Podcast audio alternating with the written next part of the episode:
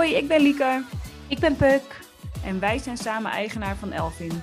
Het grootste financiële platform voor vrouwen in Nederland en België. Meld je gratis aan en ontmoet duizenden andere vrouwen. Zie de link naar het platform in de show notes. Ook kun je ons volgen op social media en vind je op onze website dagelijks interessante content. Uh, leuk dat jullie allemaal weer luisteren. Hier Lieke met de tweede poging voor het opnemen van een podcast samen met Tessel van Willigen en Chantal Korteweg. Even uh, full disclosure, we hebben al een half uur gepraat en toen kwam ik erachter dat de opname niet gelukt was. Dus we beginnen even opnieuw. Want we vinden het te belangrijk om dit onderwerp uh, aan te stippen. Want Tessel en Chantal hebben samen met andere auteurs, of zijn een boek aan het schrijven en dat heet SOS Survival Guide for Women at Work. Nou, dat triggerde mij enorm, want ik dacht, uh, wat, moet, wat moeten we doen? Welke survival hebben we nodig? Uh, dus vandaag praat ik met hun over het boek en um, uh, hoe zij daar mee zijn begonnen, waarom ze dit boek moet komen en vooral um, hoe het vrouwen helpt. En Tessel van Willigen gaat een uitdaging niet uit de weg, want zij wil graag haar kennis en expertise inzetten voor, nu moet ik even ademen, complexe sociaal-maatschappelijke vraagstukken. En uh, met name dan voor Amsterdam. Dat vind ik al heel erg leuk. Maar ik dacht, wat zijn complexe sociaal-maatschappelijke vraagstukken? Ja, hoi. Um, heel leuk dat we hier mogen zijn. Um, en voor mij is een sociaal, uh, complex sociaal-maatschappelijk vraagstuk, ik vind hem zelf ook moeilijk, uh, een vraagstuk waarbij de verschillende uitdagingen waar we vandaag de dag tegenaan lopen, dus bijvoorbeeld uh, sociale ongelijkheid en klimaatverandering eigenlijk samenkomen. Dus als je het hebt over de huidige woningcrisis, die is naar mijn idee niet op te lossen als je ook kijkt naar um, nou ja, de klimaatcrisis en de sociale ongelijkheid en wie toegang hebben tot bepaalde huizen en wie niet. Dus het is een vraagstuk waarbij die verschillende dimensies en uitdagingen um, elkaar raken. Net als vrouwen op de werkvloer dus. Ja, dat, ja, dat denk Die hebben dat ook. Daar ga ik zo ja. nog veel meer over vragen. En Chantal, ja, Chantal ken ik al wat langer, want zij is Director Inclusive Banking bij ABN. En daar worden wij bij Elfin heel blij van. Want dat betekent dus dat de ABN, nou, Chantal en haar team voornamelijk bezig zijn met hoe kunnen we de banken, bankieren, eigenlijk inclusiever maken, dus ook voor vrouwen. Nou, dat is natuurlijk, we sluiten helemaal aan bij Elfin. Maar ik las gisteren ook dat Chantal de vrouwenvertegenwoordiger van de Verenigde Naties is van Nederland in 2023. Wat is dat? Ja, nou, dat is inderdaad een, uh, een soort nevenfunctie die ik mag doen dit jaar. Dus uh, namens Nederland mag ik een uh, speech houden in de Algemene Vergadering van de Verenigde Naties. Daar mag ik de, alle landen toespreken. En het thema dat ik heb gekozen om dat te doen in oktober is natuurlijk financiële inclusie. Het belang van financiële onafhankelijkheid van vrouwen uh, als middel eigenlijk om gendergelijkheid te bereiken. En uh, nou, dat, dat is natuurlijk een hele eer om dat te mogen doen. Maar het gaat mij natuurlijk om de voorbereiding daarvan en ook wat er het effect is van die speech. En uh, ik word daarin begeleid door de Nederlandse Vrouwenraad. Dat is een koepelorganisatie van 60 vrouwelijke organisaties. En um, ik denk dat het uh, van belang is dat ik, nou ja, uh, vanwege mijn werk, maar ook vanwege deze rol, met allerlei partijen in gesprek ga over dit onderwerp. Om bewustzijn te creëren op de verschillen uh, tussen mannen en vrouwen die er zijn. Hè. Dus om dat te illustreren, 44% van de Nederlandse vrouwen is niet financieel onafhankelijk. Terwijl in het geval van de mannen is dat 23%. En al die cijfers, daar zie je dus gender gaps tussen. En ik denk dat het belangrijk is dat we daar veel meer bewustzijn over creëren. Maar ook bedenken hoe we dat uh, met elkaar kunnen gaan oplossen. Zodat we uh, ervoor zorgen dat vrouwen financieel bewuster worden. Dat ze meer financiële kennis opdoen en misschien ook wat affiniteit. Uh, zodat ze hun vermogen kunnen gaan beschermen en hun financiën op orde krijgen. En financieel gezond en onafhankelijk worden. Ja, dus eigenlijk, um, het, en wat is dan het effect van zo'n speech? Hè? Want de, de voorbereiding is ja. super belangrijk, want je gaat met heel veel organisaties praten. Eigenlijk word je een soort van bruggenbouwer tussen organisaties. En dan uiteindelijk ga je die speech doen. En wat, wat, wat is dan het effect? Wat hoop je te bereiken? Nou ja, ik hoop daar natuurlijk ook uh, aanbevelingen te doen die opgevolgd worden door uh, Nederland en ook andere landen. Ehm, en dan kun je denken aan wetgeving of aan stimuleringsprogramma's. Dus dat is echt de reden dat ik met allerlei uh, partijen ook in Nederland in gesprek ben, van de SER tot het ministerie eh, van Economische Zaken, tot de Nederlandse Vereniging van Banken, maar ook met Elvin en andere organisaties, om ja, het concreet en praktisch te maken. Wat voor tools gaan we dan met elkaar uh, ontwikkelen om echt het verschil te gaan maken? Dus ja, die speech is leuk, maar het gaat natuurlijk veel meer om hè, het effect daarvan en uh, die awareness creëren, maar ook gewoon concrete tips en tricks en tools en programma's. Ja, precies. Dus er zit ook gewoon een heel erg concreet, pragmatisch deel aan het, aan doen van de speech. En daar houden wij van. Wij houden van actie.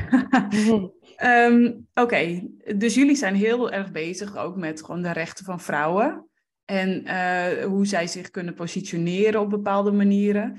Want is het een sociaal, ik ook even bij jou Tessel, is, is vrouw op de werkvloer, is dat dan een sociaal-maatschappelijk complex vraagstuk? En waarom? Ja, ik denk van wel. Ik denk, uh, wat Chantal net ook al kort even aanhaalde, dat het begint met bewustzijn. En dat we soms in Nederland het idee hebben dat we al een aantal stappen verder zijn dan dat we daadwerkelijk zijn. En het is best wel moeilijk om iets aan te pakken op het moment dat iedereen denkt, oh, maar die emancipatie, dat is toch al voltooid en daar zijn we toch al. Dus ik denk dat dat de eerste laag van complexiteit is. Je moet eerst erkennen met elkaar dat er iets aan de hand is, om er vervolgens echt iets aan te gaan doen.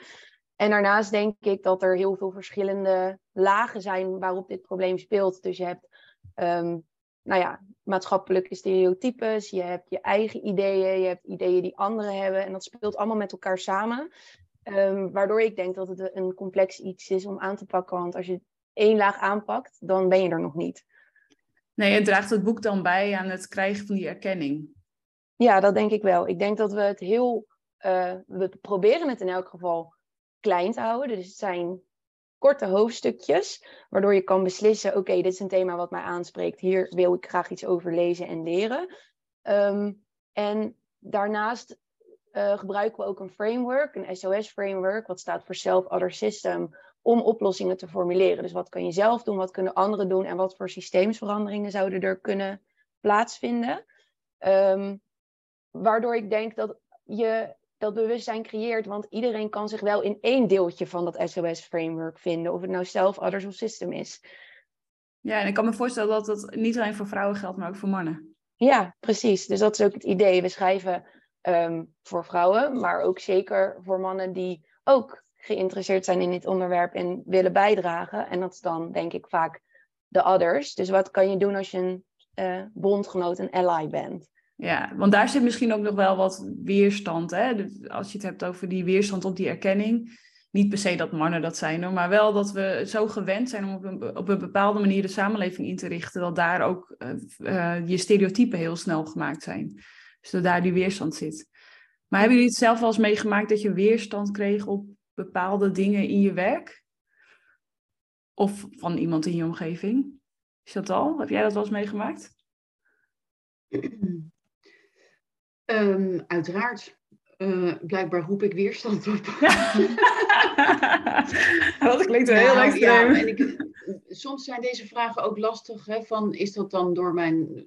Is het dan meer karakter? Of is dat, heeft dat te maken met vrouwelijkheid? Uh, ja, dus het is ook... vrij uh, direct ja. uit de hoek komen. En ik ga confrontatie niet uit de weg nou, dat probeer ik echt wel uh, met een wat zachter randje inmiddels uh, te doen. Ik bedoel, ik ben ook wat ouder geworden, dus uh, door schade en schande wordt men wijs. Maar nou ja, dat roept echt wel eens weerstand op. En af en toe kan dat best wel klinchen op de werkvloer. En dat vinden mensen niet altijd leuk, omdat ik bepaalde kwaliteit nastreef. En nou, ik, ik vind het best wel vaak gewoon de kwaliteit gewoon nog niet goed genoeg. En dan wil ik het graag samen beter maken. Nou, niet iedereen vindt dat even leuk. Dus ik probeer dat natuurlijk steeds wel beter te doen en na te denken over hoe je dat dan uh, bespreekt. Um, ik weet niet, geeft dat antwoord op jou? Maar is dat de vrouw zijn of is dat, weet je... Ja, dat, dat, dat weet ik dus niet goed. Dat is natuurlijk... Um, uh, in dit specifieke voorbeeld zijn dat denk ik juist wat meer masculine karaktereigenschappen van mij.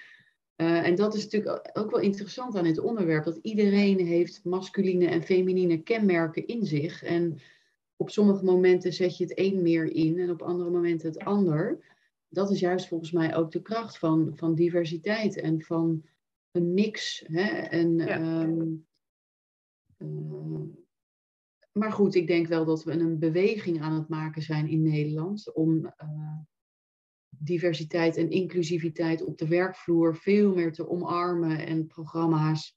Nou ja, weet je, natuurlijk ook door de vervelende dingen in de samenleving komen dit soort gesprekken veel beter op gang en zijn mensen zich bewust van oké, we moeten daar echt actief wat aan, het doen, aan doen. En wat voor een cultuur willen wij met het bedrijf? En ja. hoe kunnen we dat enablen? Ja, precies. Dus het gaat veel meer dan zeg maar, het benoemen van bepaalde weerstand. Het gaat meer over uh, zeg maar de ruimte bieden aan wat voor type mens je dan ook bent. Ik zat altijd ja. misschien kan de weerstand komen omdat dus het masculine van het directe niet per se gematcht wordt met de vrouw. En dat is dan een stereotype waar mensen aan moeten wennen. Precies. Dat zou maar ik denk dat we in ons boek uiteraard wel een aantal onderwerpen uh, belichten.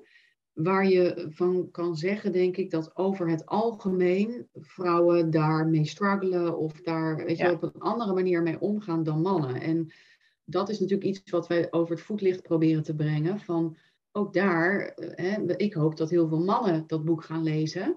Om zich in te leven in uh, hoe kan ik nou goed samenwerken met mijn vrouwelijke collega. En wat heeft zij nodig om te groeien en om te floreren. Um, ja, maar daar zit misschien ook, weet je, dat, dat ongrijpbare. Dus die vraag over die weerstand, het is ook vaak iets ongrijpbaars. Een soort van ongegeven regel of iets wat je niet helemaal voelt. En ik zou het heel fijn vinden als mannen dat boek lezen om een beetje meer inlevingsvermogen te krijgen. Maar daar merk ik ook al vaak weerstand op, omdat je toch vaak zegt, nou, als jullie gewoon doen wat wij doen, dan heb je die last allemaal niet. Hè? Dus dan krijg je een beetje, als, doe maar gewoon wat wij doen, dat werkt heel, heel prima. Dus wil je meer geld, ga je gewoon meer werken, doen wij ook. Weet je, dus dat, en ik las ook laatst dat uh, eigenlijk het grootste gedeelte van onze samenleving het liefste wil dat vrouwen gewoon thuis zijn. Dus dat ze eigenlijk helemaal niet aan het werk gaan. Dus inderdaad, Tessel, ik vind dat multilaags complexiteit, dat is het wel zeker. Want, uh, en dat SOS, dat vind ik echt super sterk. Dus dat is, dan zo had ik hem nog niet helemaal bedacht. Ik had het wel opgeschreven, zelf andere systemen. Het is een self-other system. Ja. Dus hoe uh, werkt dat dan? Wie, is, wie zijn de others? Wie ben, je, nou ja, wie, wie, ben je zelf? Dat weet je dan wel. En wat is het systeem? Um, nou, wat ik zei, ik denk dat uh, zelf gaat ook heel erg over hoe denk je over jezelf en misschien uh, waar ben ik onzeker over en waar komt dat vandaan en wat kan ik doen om, um, nou, wat kan ik zelf doen om me anders te positioneren op werk? En dat zit ehm, ook in je eigen sfeer van invloed. Ja, precies, je eigen cirkel van invloed. Terwijl others gaat dan veel meer over uh, de bondgenoten. En uh, stel je zit een keer in een, in een meeting en je merkt dat, dat een vrouwelijke collega continu onderbroken wordt. Dat je daarop ingrijpt en zegt, joh, volgens mij wil Chantal wat zeggen. um, dus echt dat enabling en amplifying. Uh, terwijl system gaat echt heel erg over, oké, en wat voor systeemsveranderingen moeten er dan gemaakt worden? Um, en dan gaat het ook, denk ik, over bepaalde stereotypes, wat we net ook al kort even aanraakten, maar ook gewoon het meten van voortgang die we maken en dat echt gaan becijferen. Want dan gaat het weer over die bewustwording. Soms dan wordt het niet erkend en dan moet je echt het inzichtelijk maken. Dus met die 44% die Chantal aan het begin van de podcast noemde. Van kijk, dit is waar het over gaat.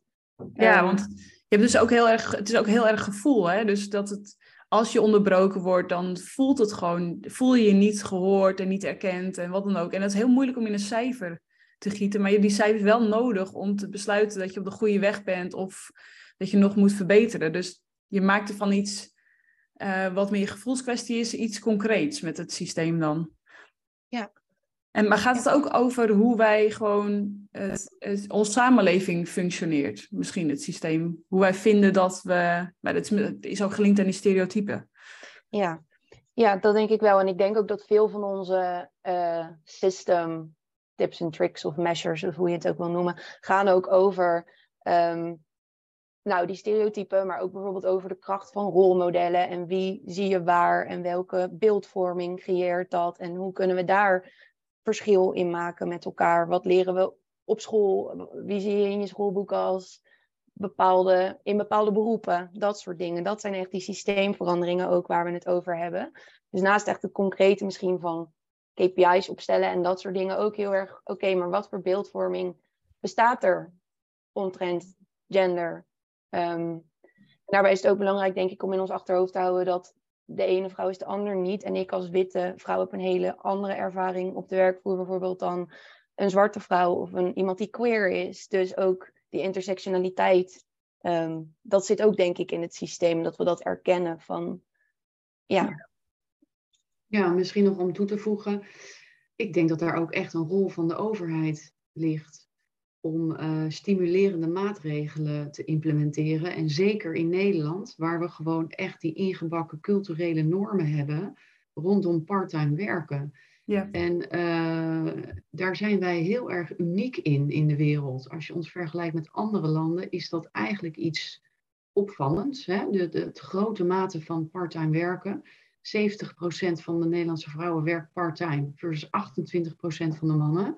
Dat is een significant verschil en dat heeft enorme consequenties. Financieel, uh, voor je promotie, voor het doorstroom, voor het opbouwen van ervaring. Uh, en ja, daar, daar, dat is diep ingebakken in onze cultuur en maatschappij.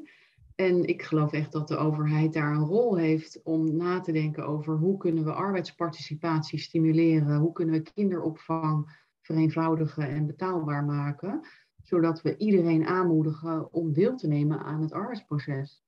Ja, en ik weet je wat ik, ik merk zelf ook. Ik heb een laatste, het was een, even een persoonlijk voorbeeld, maar ik was met mijn schoonmoeder aan het praten. Die denkt, wat doe je eigenlijk de hele dag? Hè? Wat, uh, en die is dus, uh, nou, die gaat richting de 70. En ze zei iets wat me, waar ik echt over na moest denken. Zeggen, is het zo erg dat vrouwen minder geld hebben? Want ja, ze zijn nog gewend om minder geld te hebben. Dus die probeert het een soort van, ga nou maar, weet je wel, blijf nou maar gewoon in het systeem want ze vinden dat gewoon spannend dat ik dat doe, dat ik dan daar me over uitspreek. En toen ging ik erover nadenken. En toen kwam ik eigenlijk tot een soort van gedachtegang dat als je als vrouw meer zou willen werken, ten eerste is het frame deeltijdprinsesjes heel sterk. Dus iedereen denkt dat vrouwen die deeltijd werken koffie zitten te drinken, wat natuurlijk echt volledig absurd is. Ja. Dan, het loont niet altijd om meer te gaan werken. Nee. In de sectoren zoals zorg en onderwijs is het soms niet mogelijk om meer te gaan werken. Dan heb je nog je partner die zegt, uh, ja, nou alles prima wat jij doet, maar ik blijf gewoon fulltime werken. Dus uh, de alle onbetaalde zorgtaken, um, ja. succes daarmee. En dan heb je nog de samenleving. Je moet echt een dikke huid gaan kweken als je zegt, ik ga meer werken. En dan kom je, als je dat gewoon in een kookpan giet, dan vraag ik me dus af, want vrouwen zeggen nu heel snel van, uh, ik vind het wel goed zo, ik ben gelukkig, het is niet alleen mijn werk, is, is niet alleen mijn, uh, mijn leven en zo. Maar zeg je dat omdat je dat echt zo voelt? Heb je dat wel eens onderzocht? Of omdat je gewoon al die barrières voor je ziet en denkt, ja, nou, ik begin er niet aan. Ja, ik kan die vraag natuurlijk onmogelijk beantwoorden. Ik heb dat ook niet onderzocht. Dat is natuurlijk heel interessant om dat wel te onderzoeken. Ik weet wel van voorbeelden in de zorg waar er gewoon standaard deeltijdcontracten worden aangeboden aan vrouwen. En er wordt niet eens besproken van uh, het is ook mogelijk om vol tijd te werken. Nee, want dat, dat dus loont u niet. Nee, want dat, dat kan niet daar. Want we hebben liever zes uur werken, omdat het beter roostert. Dus niet dagen van acht ja. uur, van zes nou ja, Dat is natuurlijk echt idioot. Hè? Dat dat zo ingebakken is dat er dus aan vrouwen deeltijdcontracten worden aangeboden als default. En aan mannen voltijdcontracten. Ik bedoel, dus ik denk die bewustwording om dit bespreekbaar te maken. En natuurlijk is iedereen vrij in de keuzes die, die je maakt. Uh, maar heb het erover aan de keukentafel. En, en probeer met je partner daar een echt gesprek over te voeren en een besluit over te nemen waar je beide je prettig bij voelt. En uh, kijk, de consequenties zijn niet mis. Hè? De, de cijfers liegen niet. Dus gescheiden vrouwen gaan er in koopkracht 20% op achteruit. Gescheiden mannen gaan er in koopkracht 6% op vooruit. Dus het voelt misschien goed om dit zo af te spreken, maar als je huwelijk toch helaas misschien strandt, ja, dan zit je wel met gebakken peren. Ja, ik moest ook wel lachen, want jullie hebben een intro geschreven van het boek. Ik heb hem overigens besteld. Want ik, ik, ik, denk, dit had ik willen weten toen ik begon met werken. Waar ik ontzettend veel ongeschreven regels en ontastbare... kon ik niet goed duiden waarom ik me daar niet op mijn plek voelde. Ik denk dat had mij echt wel geholpen om gewoon beter te begrijpen waarom ik dingen prettig vond of niet prettig. Um, um, ik wilde een punt maken, maar nu weet ik. Oh ja, ja sorry. Uh, in de intro hebben jullie een, ongeveer twee regels met gaps. Ja. Dus het is de wealth gap en de pay gap en de pension gap. En ik, ik, heb, ik noem er altijd drie, dus ik zat echt, mijn mond ging echt open. Maar wat voor gaps, wat, wat zijn het allemaal voor gaps? Nou ja, op al die dingen. Ja, op eigenlijk alles toch? Dus dat is, uh, het was echt, echt enorm. Dat ik denk, ja, jullie hebben helemaal gelijk. Eigenlijk zit overal een soort van gat. Omdat we al uh, denken van, nou, het is oké. of ik ga niet dat gesprek met mijn manager. Of ik vind het lastig om met mijn partner hierover te praten. Of het loont toch niet om meer te werken. Toch eigenlijk best wel intrigerend. Het is complex. Wat is het? Wat zei ik? Complex sociaal-maatschappelijk probleem.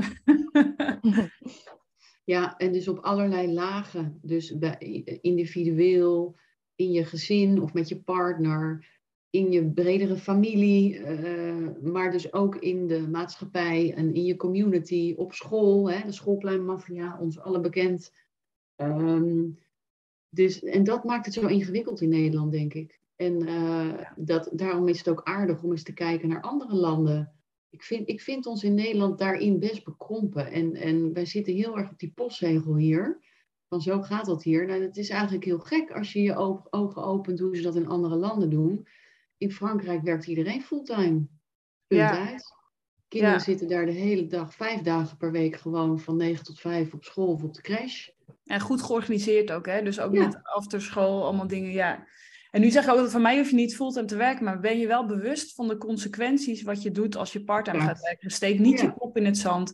Dus doe echt wat voor, je, voor jou goed is, maar ook overleg met je partner over het beschermen van jullie gezamenlijk vermogen als je minder gaat werken. Of het opbouwen van gezamenlijk vermogen. Want je bent gewoon de sjaak als je dat niet doet. Ja, en misschien ook probeer dat op verschillende momenten weer te herijken. Ja. Het kan een fase goed zijn op die manier, als je kinderen klein zijn misschien, of als het niet zo goed gaat met een van de kinderen. Maar probeer dat gesprek op gang te houden en er nog eens eh, iedere kerst of zo bij stil te staan van hebben we het eigenlijk nog lekker verdeeld? Zitten we er nog allebei prettig in de wedstrijd, zeg maar. Ja, zeker. Uh, want je kan het ook weer anders regelen. Het hoeft niet set in stone te zijn. Nee, en ik denk ook altijd, uh, je begint een beetje werken als je begin 20 bent. En dan werk je misschien tot je 67 of 68. Daar, kan je zo, daar gebeurt zoveel in die tijd. Dan kan je zeg maar zes carrières maken op hele verschillende deelgebieden als je zou willen. Ik heb wel een bekentenis uh, te maken in deze podcast. Als ik me enigszins dus ontmoedigd voel over mijn missie, dan ga ik naar Dumpert of zo. En dan ga ik dus de comments op, uh, of naar Telegraaf. Uh, als er dan staat, de vrouwen verdienen minder. Of uh, de, de loof, kloonloof. Nou, loonkloof. Loonkloof, dankjewel. Is zo groot, ga ik de comments lezen. Want daar, wat daar staat, is ongeveer de meest ongenuanceerde meningen die je kunt vinden. Er staat, ja, die vrouwen willen dit. En de, moet iedereen maar werken voor die derde vakantie die tweede auto. En daar raak ik altijd zo gemotiveerd van om meer aandacht aan dit onderwerp te geven. Dat ik denk, ja, dit... Ja. ja. um, nog één vraag en dan gaan we stoppen. Waar staan we over tien jaar als vrouwen op de werkvloer? Tessel? Um, nou, ik hoop in elk geval dat die bewustwording waar we de hele tijd op terugkomen, dat dat, dat, dat er gewoon is. Dus dat, dat de erkenning er is van Nederland doet het niet zo goed, wat Chantal ook zegt, van als we het vergelijken met andere landen, dan kunnen we echt wel heel veel stappen zetten. Um, en ik hoop dat die cultuur, waar we ook even kort naar, aan refereerden, dat die ook wat uh, zachter misschien is geworden. En ik merk bijvoorbeeld heel erg bij mezelf. Ik geloof heel erg in de kracht van kwetsbaarheid. En ook durven aangeven dat je sommige dingen niet weet. Uh, daar hebben we ook een hoofdstuk over geschreven. Maar ik werk nu op het moment in een organisatie waarin dat eigenlijk helemaal niet de norm is. Maar dat ook toegeven dat je af en toe hulp nodig hebt of dingen niet weet. En dat daar opener over bent met elkaar. Dat dat wat meer de norm wordt. Ja, mooi. En jij Chantal, tien jaar, waar staan we dan? Nou ja, het World Economic Forum zegt volgens mij dat we nog 136 jaar nodig hebben om de gender gaps uh, te beslechten. Ik ben zelf veel positiever. Uh, dus ik hoop gewoon dat we het over tien jaar, uh, dat dit niet meer een gespreksonderwerp is. En dat het gewoon normaal is geworden.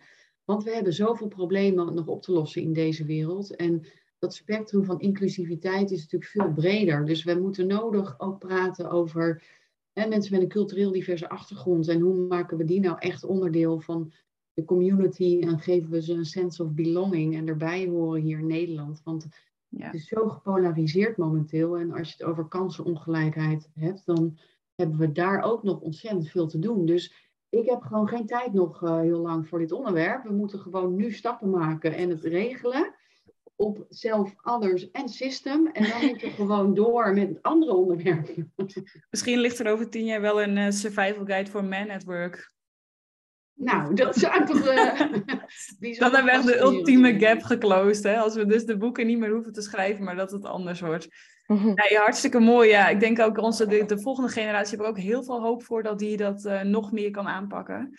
Dus um, onze dochters um, hoeven, de, hoeven het boek niet meer te lezen. Daar, eh, ik hoop dat het boek een groot succes wordt overigens. En ik ga hem met plezier lezen. Daarover gesproken, bedankt voor alle informatie en de leuke discussie. Mijn vuur is weer aan. Ik hoef vandaag niet naar de Telegraaf, dat weet ik niet. en um, aan iedereen die luistert, het boek wordt nu geschreven. Er komen allerlei verhalen ook van andere vrouwen in, van over de hele wereld. Het wordt echt een fantastisch boek. En we mogen boeken verloten als hij uitgegeven is. Dat is nu nog niet. Maar als hij uh, er is, dan komt dat op onze Instagram. Dus volg ons uh, Insta-account. En dan verloten we een aantal boeken onder de Elfin-volgers. Nou, dank jullie wel nogmaals voor dit mooie gesprek. En um, heel veel succes met het schrijven van het boek. Dank je. Dankjewel, Lieke. Het was leuk om in jullie podcast te mogen zijn. Jazeker.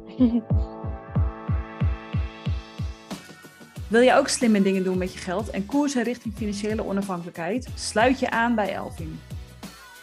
Duizenden vrouwen gingen jou voor en leerden inzicht krijgen en beleggen, gingen aan de slag met hun pensioen en wisten eindelijk die salarisverhoging te onderhandelen. Ga naar www.thisiselvin.com en meld je aan bij onze gratis community.